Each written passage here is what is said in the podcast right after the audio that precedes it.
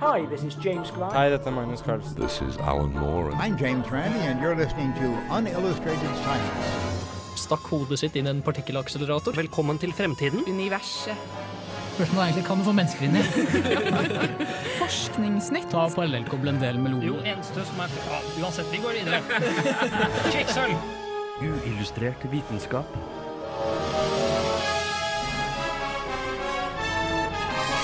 Science, it works, bitches. I denne ukas sending av Uillustrert vitenskap skal vi bl.a. lære om kinetisk energi. Vi skal snakke om stellerator, og hvordan er det egentlig å komme tilbake igjen fra verdensrommet? Jeg er Aksel Tidemann. Jeg jobber som forsker på kunstig intelligens ved Telenor Research, og du hører på Uillustrert vitenskap. Hei, hei, og velkommen til denne ukas sending av Uillustrert vitenskap. Eh, mitt navn er Andreas, jeg er programleder for dere i dag. Med meg i studiet så har jeg Andreas. Hei, hei. Jeg har med meg Håkon. Hei. Og vi har med oss en veldig spesiell gjest i dag fra Harselas. Ja, Så du kan spesiell. fortelle litt om deg sjøl og Harselas. Eh, ja, hei, jeg heter Viktor. Eh, jeg er med i Harselas. Harselas er et eh, vi liker å kalle det for Trondheims største satirefabrikk. Med alle andre satirefabrikker tatt i betraktning. Ja, med alle andre satirefabrikker tatt i betraktning. I Trondheimsregionen. Ja, vel å merke. Trondheimsregionen. Ja. Ja. det går rykter om at du har med en fun fact til oss i dag, Andreas. Ja, uh, jeg har på en måte to fun facter da, som begynner inn i Uranus. Så Ja. Det er lov å si, Andreas. Selvfølgelig. jeg så en, ja, det er ikke lov. Men jeg så en YouTube-video om Uranus før i dag. Den første av de er at eh, det er masse metan på Uranus, som gjør at Uranus lukter promp, som jeg syns er ganske morsomt. eh, og så er det også at det er såpass stort trykk inni Uranus at eh, av prompen. Eh, som gjør at eh, metan, som er basert på karbon, blir pressa sammen til diamanter i Uranus Sånn. sin kjerne. Ja. Så blir nå har vi sagt Uranus nok ganger for denne sendinga. Ja, det, det er godt å vite at det fortsatt er kvalitet på programmet. Det, det er godt å høre. Men før vi går videre, så skal vi få høre sangen 'Hear Me' av ASAP Rocky med Pharrell.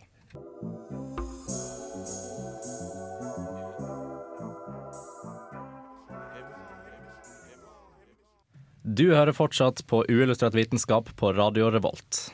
Og du, Håkon, du har, eh, du har jo vært i verdensrommet, du. Jeg har vært i verdensrommet. I hvert fall ganske dypdykk inn i de dype websider på internett. Ja. Så jeg, jeg har lest meg litt opp på, på Scott Kelly og Mikael Kornienko. Ja, som gøy. har akkurat returnert fra ISS. da Etter et helt år i space. Som ikke burde vi mikse opp med IS. Nei, det er to helt forskjellige ting, heldigvis. Og det er litt spennende, da. Et år, 342 dager på, på, på ISS. Ja, man blir jo ganske Yes. endra fysisk av å være Veldig. i ingenting Absolutt. så lenge. For dere som ikke vet hva ISS er, så er det en beboelig satellitt da, som har en høyde med på rundt 330 km utenfor eh, Ja, til 435 km. Og det er, chi- det er chiller astronauter hele året, gjør eh, forskning mm. og sender kule videoer til jorda. Ja. Og de dro jo opp på mars i fjor. Mm. Eh, og dette, dette oppdraget ble bestilt av eh, Roscosmos, som er uh, Russian Federal Space Agency. Ganske kult navn, egentlig. Og de, uh, de ville ha et oppdrag hvor to erfarne rommenn skulle Rommenn, ja. Aliens. skulle tilbringe et år i rommet. da Og hva tror du egentlig formålet er med det her? Har du noen clues? Eh, ja, altså det er Du skal si nei, så skal jeg si Nei, ja. Nei, ja. Nei, nei, ingen jeg- vet. jeg- ingen- ah, så bra, for Ja. jeg kan Jeg, jeg, Jeg har ikke jeg hørt om romstasjonen før. jeg. Okay. Jeg har ikke hørt om, jeg har ikke hørt om rommet før. Nei, Jeg, jeg vet ikke verken hva romverden eller Så bra. For da er jeg her for å svare på det her. Um, de gjorde det her egentlig bare for å kunne forstå menneskekroppen bedre. Da. Hvordan menneskekroppen fungerer in space. Så det skal liksom, og det som er kult, er at Scott Kelly har en identisk tvilling. Så, Som du nå driver kanskje det mest omfattende helsemessige forskning på noensinne. To fjellinger. Og han, Mm. det er kult, fordi jeg, jeg som en person på 1,70 er litt sånn Ikke sant? Jeg er litt, 1,69? eh, 1,69 Nei, 1,70, vi kan runde opp. Eh, han vokste faktisk fem centimeter i løpet av et år. Oi! Ja, Det er mange centimeter. det er mange centimeter. altså, Tenker jeg, hvis jeg blir tre år, da. Kanskje jeg 15 begynner å ta en Victor snart. Der, altså. ja. Ja, jo, jo. Nærmer seg. Nærmer seg i hvert fall. Ja. Eh, dårlig. Vet, dere, vet, dere litt sånn, eh, vet dere hvordan de sover i space, egentlig? Sånn, bare for Det er vel opp etter veggen, er ikke da? De Ja, står, det er eh, sånn st stående i soveposer. Ser egentlig utfattelig creepy ut hvis du Ja, kommer inn og ser ja. på det. Kan man, kan man ikke bare egentlig flyte rundt? Jo. Og sove? Men uh, det er litt sånn eh, uhensiktsmessig å bare Ja. De som slå borti alle veggene hele sover. Litt kjipt også, bare ta må, så så må du få oksygenen frakta, siden eh, når du puster jo ut karbondioksid. Men hvis du bare sover på samme sted, og ikke oksygenen og ikke lufta blir behandla på en spesiell måte, så blir du kvelt. Fordi Ja. det bare er karbondioksiden du puster ut i en sånn lomme rundt hodet. Det var akkurat det jeg skulle si. Så bra at du det, Ja. Jeg skjønner hvorfor dere har et uh, uillustrert vitenskapsprogram. Ja. Mm, absolutt. Og den, den space-drakten, da. Den veier faktisk ganske mye på jorda. Mm. Vet du hvor mye veier på, på ISS? Ingenting. Wow, helt riktig. Det nesten som en quiz der. Det er det. Ja. Allerede nå så har Scott Kelly sagt at han sliter av den vante gravitasjonen på jorda. Så han, han, han driver faktisk og slipper ting mid-air. Han har sånn koppen, så slipper han bare koppen i lufta. For han tenker liksom at ja, den skal bare flyte. Det er ikke så lurt, da. Det er ikke så lurt, for da mister han bakken. Ja, ikke sant? Han, han, har liksom, han er så smart han kan være på ISS i et år, men han vet ikke hvordan gravitasjonen på jorda funker. Det er litt teit. Dum, spør du meg. Man blir også så ufattelig kvalm av å komme tilbake fra ISS. Siden uh, mye av balansen til menneskene går jo via ørene mm. uh, og trykksoner under føttene. Så når, Ja. du kommer, når du er på romstasjonen etter hvert, så bestemmer balansen etter hvert at den gir faen. Siden nei, det er ikke noe, det er ikke noe tyngdekrav til å sjekke etter lenger. Jeg, jeg tar og chiller, ha det, gutta. Men så kommer du ned på kroppen igjen, og så skal all den balansegreia begynne å funke igjen. Ja. Men så gjør den jo ikke det. Så du er veldig, veldig kvalm i noen dager. Oi. Så hvis du skal ut i rommet snart, så må du tenke på at du bør eh, ha spyposen klar. hvis klar Spyposen Skal, ja. i baklomma. Nei, jeg tror det var det jeg hadde om uh, Space Station i dag. Ja, nei, men det var veldig interessant. Absolutt, Jo, Utrolig gøy. Uh, Eh, vi skal egentlig ta og gå videre i programmet med, uh, med sangen 'Tryllefløyten' av Fjorden Baby.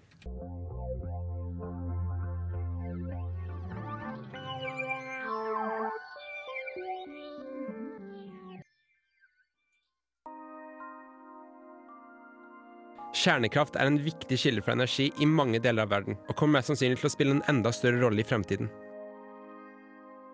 De kraftverkene vi har i dag, fungerer ved hjelp av fisjon. Dette skjer ved at et stort og tungt stoff, som uran, blir splittet opp i to mindre stoffer. En prosess som også avgir energi som blir brukt til å fordampe vann, og da drive en turbin. Problemet med fisjon er at det avgir mange miljøskadelige avfallsstoffer. Og hvis ting går skikkelig, skikkelig galt, så har du en Tsjernobyl å gjøre med. Et langt mer miljøvennlig og effektivt alternativ er fusjon, hvor to partikler går sammen til en større partikkel.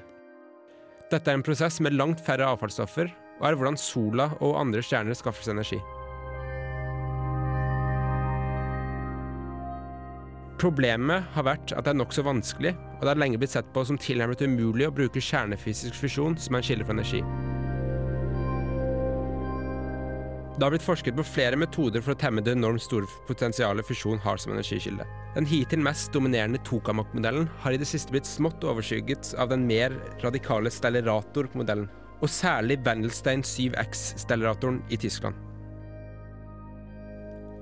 Som alle fusjoneringsmoduler må stellaratoren kunne varme og ikke minst holde på en gass som skal holde over 100 millioner grader celsius. Denne varmen river elektroner løs fra atomene og skaper en plasma bestående av elektroner og ioner. Dette gjør at elektronene oppnår hastigheter som tillater de å smelte inn i hverandre og fusjonere. Plasma blir holdt på plass ved hjelp av et magnetisk felt som er indusert av en strømførende ledning. Det originale konseptet er at magneten er formet som en torus. Torus er et matematisk språk for badring eller smultring. Men denne enkle formen førte at magneten i den indre sirkelen er nærmere plasma enn deg i den ytre sirkelen. Noe som førte til at du har et sterkere magnetfelt innerst og et svakere mot ytterkanten. Denne ubalansen gjorde at partikler kom ut av kurs og ikke ble holdt på plass lenge nok til å skape energi.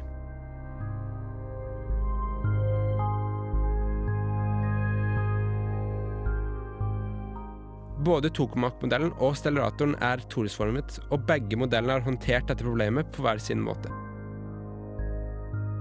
Fordelen med den enkle torusformen var at partikkelen kunne flyte jevnere uten hinder, og problemet med ujevnt magnetfelt ble løst ved å innføre et transformatorkonsept som gjør at plasma flyter gjennom tuben som en elektrisk strøm. Stellaratoren videreførte torusformen, og vridde de superledende spolene slik at de ikke var sirkelformede lenger. Partiklene passerte nå regioner med kraftige og svake magnetfelt, som var vridd på akkurat perfekt måte til at de kansellerte hverandre nok til at magnetfeltet ble homogent, altså jevnt.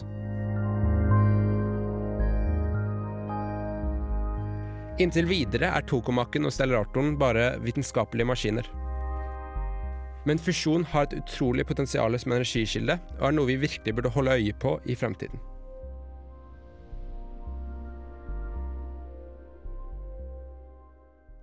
Det er, det er utrolig stilige teorier, dette her, egentlig. Altså, det, er- det, er- det er ganske fantastisk. Men eh, altså, du nevnte at med, med fisjon så bruker du vanligvis uran. Men uh, i en fusjon, hva bruker du så? Ja, altså eh, Sola uh, bruker hydrogen til å lage helium. Og det er det samme vi tenker å gjøre med fusjon. Men man bruker ikke helt vanlig hydrogen. Man bruker såkalte isotoper av hydrogen, som har én ekstra proton i kjernen. Ja, riktig. Og da er det deuterium, som har to protoner i kjernen, og tritium, som har tre protoner i kjernen. Ja. Og disse smelter sammen til eh, helium. Eh, vi kan hente deuterium fra havvann. Eh, det er ikke så mye deuterium i havet. Det er sånn ca. 0,015 Ja, såpass, ja. Men eh, det er nok til at vi kan uh, Tyskerne satte jo opp tungtvannanlegg i Norge uh, på 40-tallet. Og er Ja, da burde vi i hvert fall klare å hente ut uh, tungtvann nå. Ja. Og tritium hentes ut fra Det fins i litiummetall. Eh, men dette gjør at ut fra 40 liter eh, havvann og 5 gram litium kan vi skape ca. 320 000 kilowattimer med energi. Som er tilsvarende til 40 tonn med kull. Så det er ganske mye, altså. Men Det, det er ganske sykt, Ja, altså. men hvordan er den bygd opp? ja, Stelleratoren den kosta 1 milliard eh, euro, og som jeg sa i introen, torusforma. Eh, med åpninger og rør rundt omkring på overflaten. Det, og dette er eh, gjort ved at du har 50 magnetspoler på 6 tonn hver, som alle er vridd på en helt spesiell måte, sånn at eh, plasma kan holde flytende. Og det er dette som var det vanskelige med å lage stellaratoren. Det var det at du skulle liksom For å få magnetfeltet helt perfekt, så måtte du bruke data til å simulere akkurat den perfekte måten du kunne vri de eh, spolene, sånn at magnetfeltet gikk akkurat perfekt rundt. Mm. Og det er jo det som gjør stellaratoren så kompleks, og som gjør at den er så vanskelig og dyr å bygge. Men eh, Jeg har lest litt om det her, da. Tokamak og acceleratoren. Men hva er det som, hva er det som liksom Hva er problemet da med tokamaken i forhold til acceleratoren som gjør at acceleratoren er en mer ideell eh, fusjonsreaktor? da? Ja, altså Det er jo problemet man kan nevne med begge to. Eh, problemet med eh, tokamakken er at den bare kan sende strøm inn i korte impulser.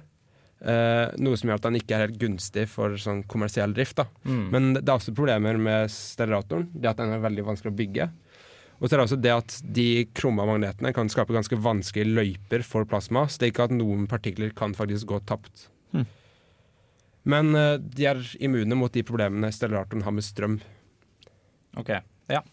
Ja, det er absolutt. Det, dette er vel egentlig den siste Vi har pratet om stellaratoren før, ikke vi? Så det er Ja, jo det er jo, jeg tar jo arven til Haugland videre. Ja, det, det er Mens han er i Japan og leter etter anime og, kropps- Og og body pillows. Og waifus. Ja, hentai. Ja. Eh, nei, han leter ikke etter hentai, altså. Nei, får, vi får prøve ikke å spre litt dårlig rykte om uh, vår kjære venn. Uh, men vi skal videre i programmet med. Uh, vi skal ta og høre litt mer om kinetisk energi. Men først så skal vi høre This December av Ine Hoem.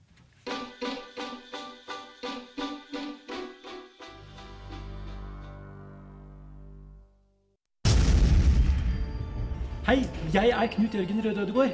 Du hører på Uillustrert, som er eh, like kraftig som en supernova, eller kanskje en hypernova. Like vakkert som en stjernehop, og like spennende som en Venuspassasje. Uillustrert vitenskap. Forsvaret har i lang tid prøvd å oppdage nye våpen for å vinne på slagmarka. Alt fra atombomber til hydrogenbomber, missiler og raketter. Alle disse stappfulle med eksplosiver for å gjøre mest mulig skade. Men trenger vi egentlig eksplosiver? Kinetisk energi er knytta til et objekt sin bevegelse og betyr hvor mye arbeid som kreves for å få et objekt som er stillestående, til å akselerere. Når et objekt akselererer og ikke mottar noen form for negativ energi, vil objektet fortsette å øke i fart helt til det når terminal hastighet, der objektet har en konstant fart.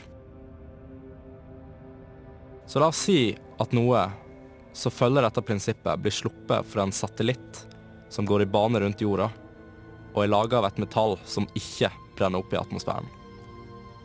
Der har du teorien bak kinetic bombardment, eller som det også kalles rods from God. Måten det er laga på, det er at lange pinner på 6,1 meter ganger 30 cm laga metallet wolfram, skal slippes fra en satellitt som går rundt jorda. En bitte liten rakett er festa bakpå for å gi en initiell fart, som bygger seg opp etter hvert. Muligheten til å gjøre dette her gjør at du kan treffe et mål hvor som helst på jordkloden, og det er så å si umulig å beskytte seg mot pga. den enorme farten de får på vei mot jorda. Når pinnen treffer målet, så vil den kinetiske energien bli sluppet ut og forårsake en stor eksplosjon, og kan òg forårsake lokale jordskjelv.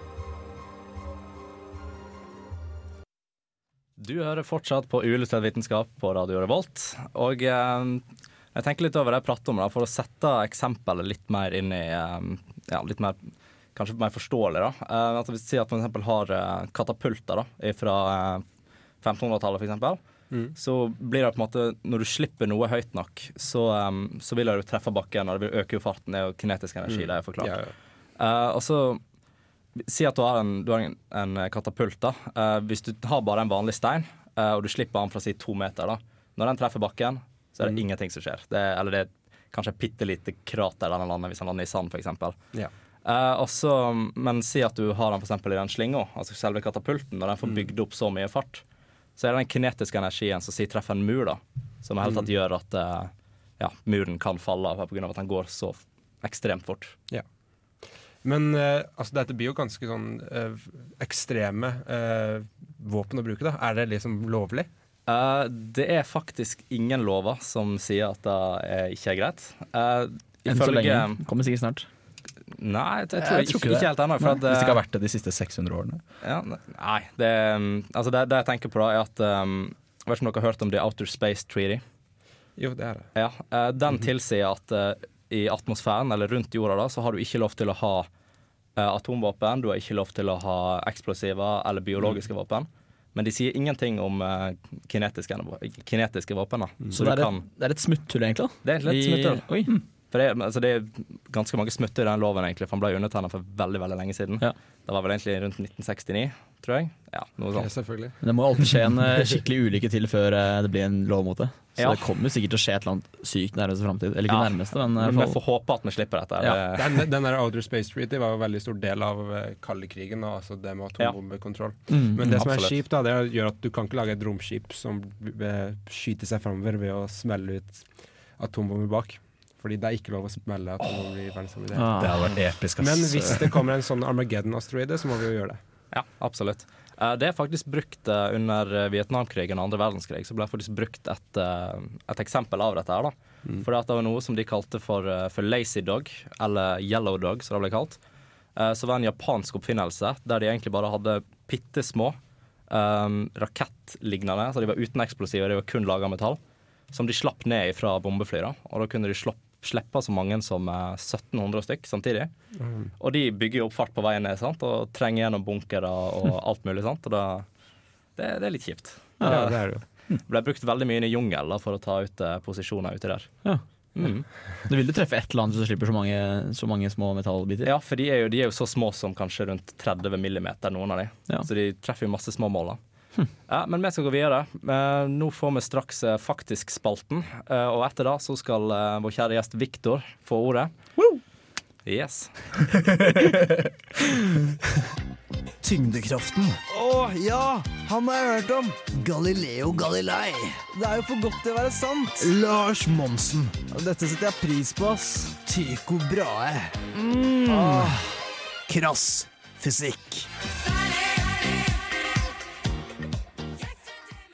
Visste du at man kan se den kinesiske mur fra verdensrommet? Eh, faktisk så Tulling! Eskimoene har 50 ord for snø. Nei, egentlig ikke. Nei. Strutser stikker hodet i bakken og er redde. Nei, faktisk. Ja. Eh, egentlig ikke. Din dust. Mennesket utvikla seg fra sjimpanser. Nei, Tulling. faktisk. Herregud, dust.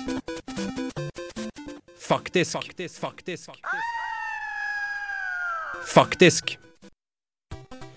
Da jeg var ute natt til søndag, insisterte en full bergenser på at vi bruker bare 10 av hjernen vår. Jeg insisterte selvfølgelig på at dette er feil, og lovte han at jeg skulle forklare akkurat hvor feil han var i neste episode av Uilskjørt vitenskap. Dette er nemlig en mye perpetuert myte som har blitt feiltilskrevet annet Einstein. Faktisk er 70% av sitater på nettet tilskrevet feil person.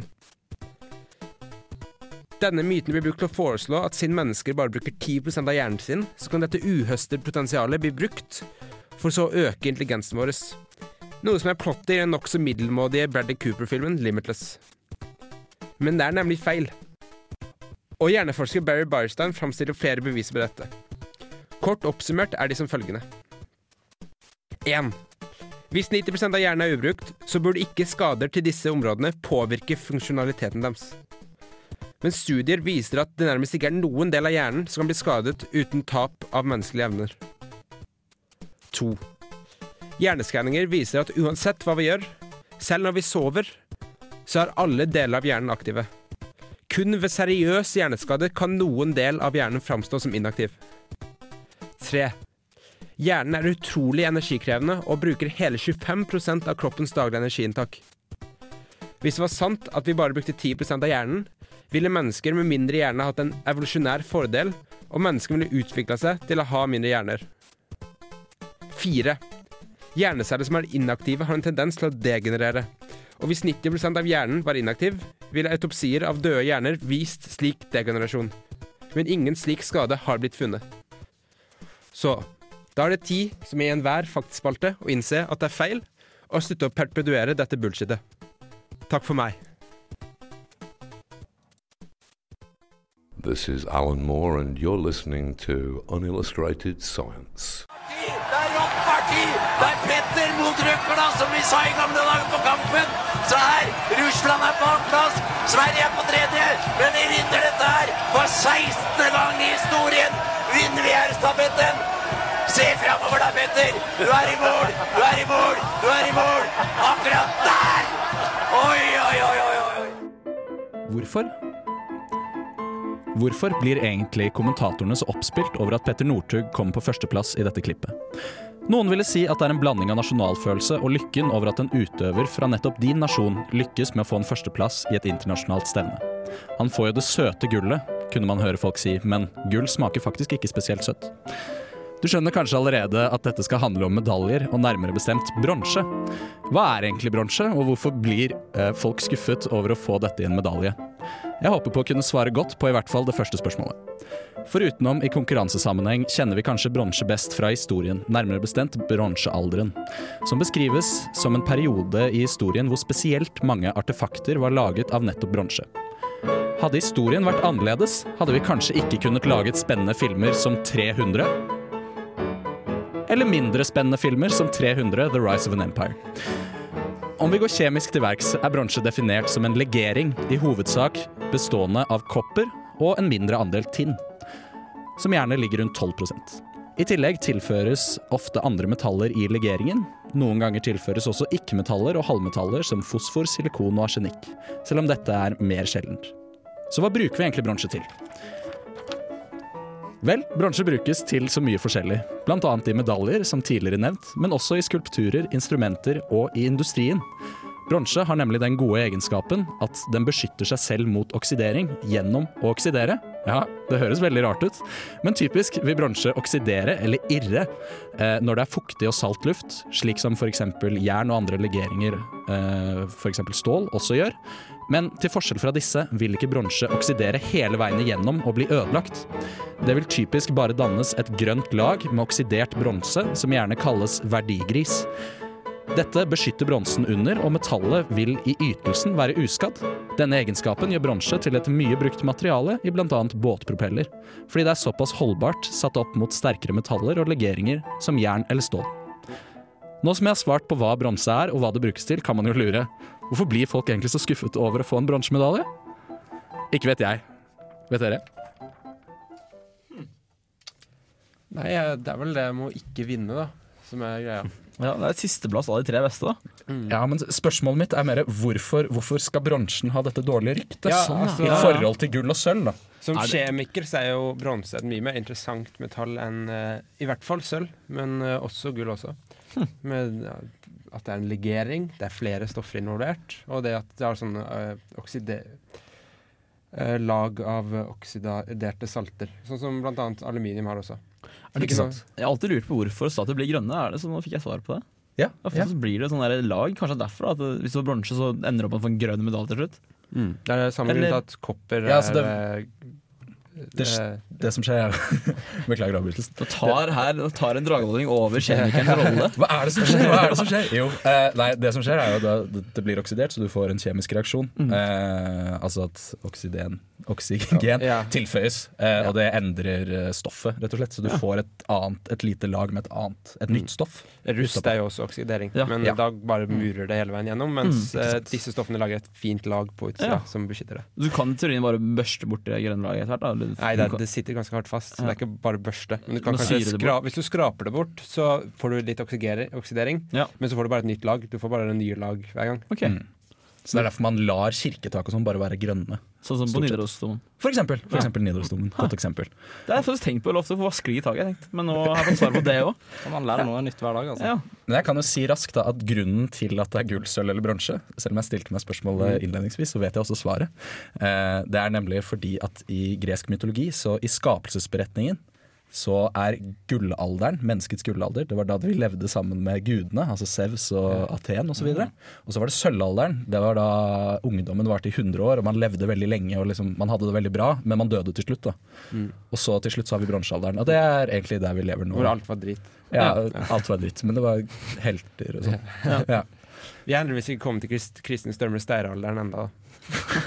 Som er det verste, Det er, Andreas. fjer, det er fjerdeplassen, det. Ja, fjerdeplassen. Ja. Så da kommer medalje som er Kristin, eh, Kristin-medaljen. Det er etter Ja, hun, kom en, hun- kom på en del fjerdeplasser, altså. Ja, jeg tror bare hun har kommet på fjerdeplass. Ja, bare. Jeg tror hun fikk, jeg, jeg fikk en bronse på stafett, liksom, men det er jo ikke så stas. Eller er det det? Er, kanskje. Oi, oi, oi, oi, oi, oi, oi, oi, Kanskje vi har en gjest i neste episode. Uh, Kristin Størme Steira. Jeg skal ikke love noe, men uh, ja. Jeg har fått et helt nytt syn på, på bronse. da Så denne bronsemedaljen jeg fikk tilbake på ungdomsskolen, virker plutselig ikke så ille. På tide å tørke bort støvet fra den. Ja, Kan jeg ta den fram igjen og gå rundt? Hva eh, fikk du bronsemedalje i? Jeg skal huske, jeg vet det var svømming, kanskje? Okay, Litt usikker. ja. Enten er det så bare svømmeknappen. Jeg er litt usikker faktisk. Men du må holde den unna kloret i, eh, i vannet. Fordi Ja. hvis det klorer, eh, eller klorer, hvis du får klor på bronse, så vil det irre hele veien igjennom. Faktisk. Så klor på sånne bronsetak, sånn, da vil hele taket på Nidarosdomen forsvinne. Så det er Over tid, da. Ikke med en gang, men sånn. Neste prank. Altså, putter, du ja. deg selv i, re- putter du deg selv i ren klorgass, så blir du til en suppe av partikler på et sekund. Liksom. Klor er ganske? Klor er ganske fucka shit. Nei, du blir ikke superhelt, du blir Ah, på en måte okay. bare suppe.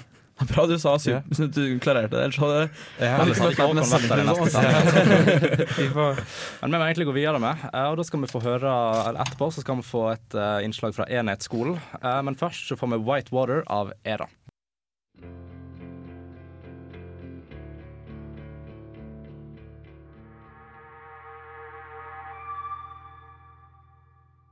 Science isn't about why, it's about why not. Why is so much of our science dangerous? Why not marry safe science if you love it so much?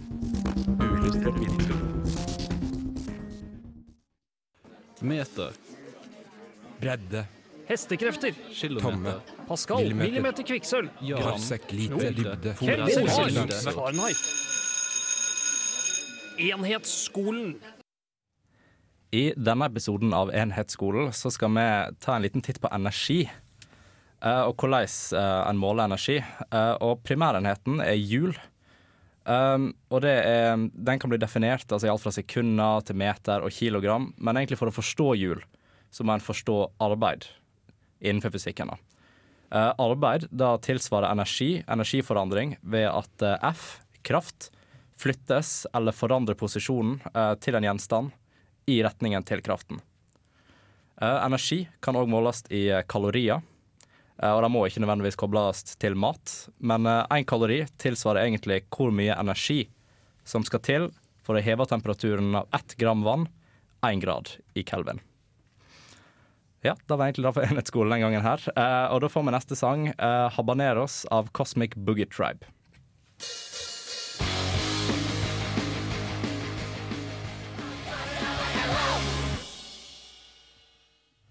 Da er vi kommet til veis ende for denne sendinga her av Uillustrert vitenskap. Og det har, det har vært gøy. Synes jeg. Ja, jeg synes det har vært en veldig fin sending. Veldig koselig med harselasgjest også. Absolutt. Ja. Det er veldig koselig at jeg fikk lov til å være her. Ja, Eh, hvor, eh, hvor kan man høre Eller Når kan man høre Harselas? Jo, det er bra du spør. Eh, Det kan du høre her på kanalen mellom fem og seks på torsdager. Eller så kan du laste ned på iTunes, eller så kan man jo gå til radiorevolt.no, hvor du finner episoder av både Uillustrert vitenskap og Harselas. Ja, Ja. Absolutt. Og det vi egentlig må påpeke nå, det er at eh, Facebook Vi tar gjerne mot uh, meldinger, spørsmål, forslag, likes, ikke minst. Vi tar egentlig imot, eh, imot eh, det meste der inne. Og hvis du stiller spørsmål om det er noe du lurer på, om du har lyst til å gi tilbakemelding på sendinga, om det er noe du vil at vi skal snakke om, og dette kan du gjøre ved å poste noe på sida, eller å sende oss en melding, som også er mulig. Mm. Og vi setter også veldig mye pris på å få anmeldelser i iTunes. Ja, Helst absolutt. Helst gode anmeldelser, da, siden dette hjelper med å drive tallene våre opp og gjøre oss mer synlige. Mm. Som selvfølgelig alle har lyst til at uh, vi skal være. Ja, absolutt. Og ikke minst uh, takk til vår tekniker Endre i dag. Tusen hjertelig takk. Jeg har vært Andreas. Og jeg har vært Andreas. Og jeg har vært Håkon i dag også. Ja, du heter Håkon. Ja. Og jeg har vært Viktor. Ha det bra. Ha det bra.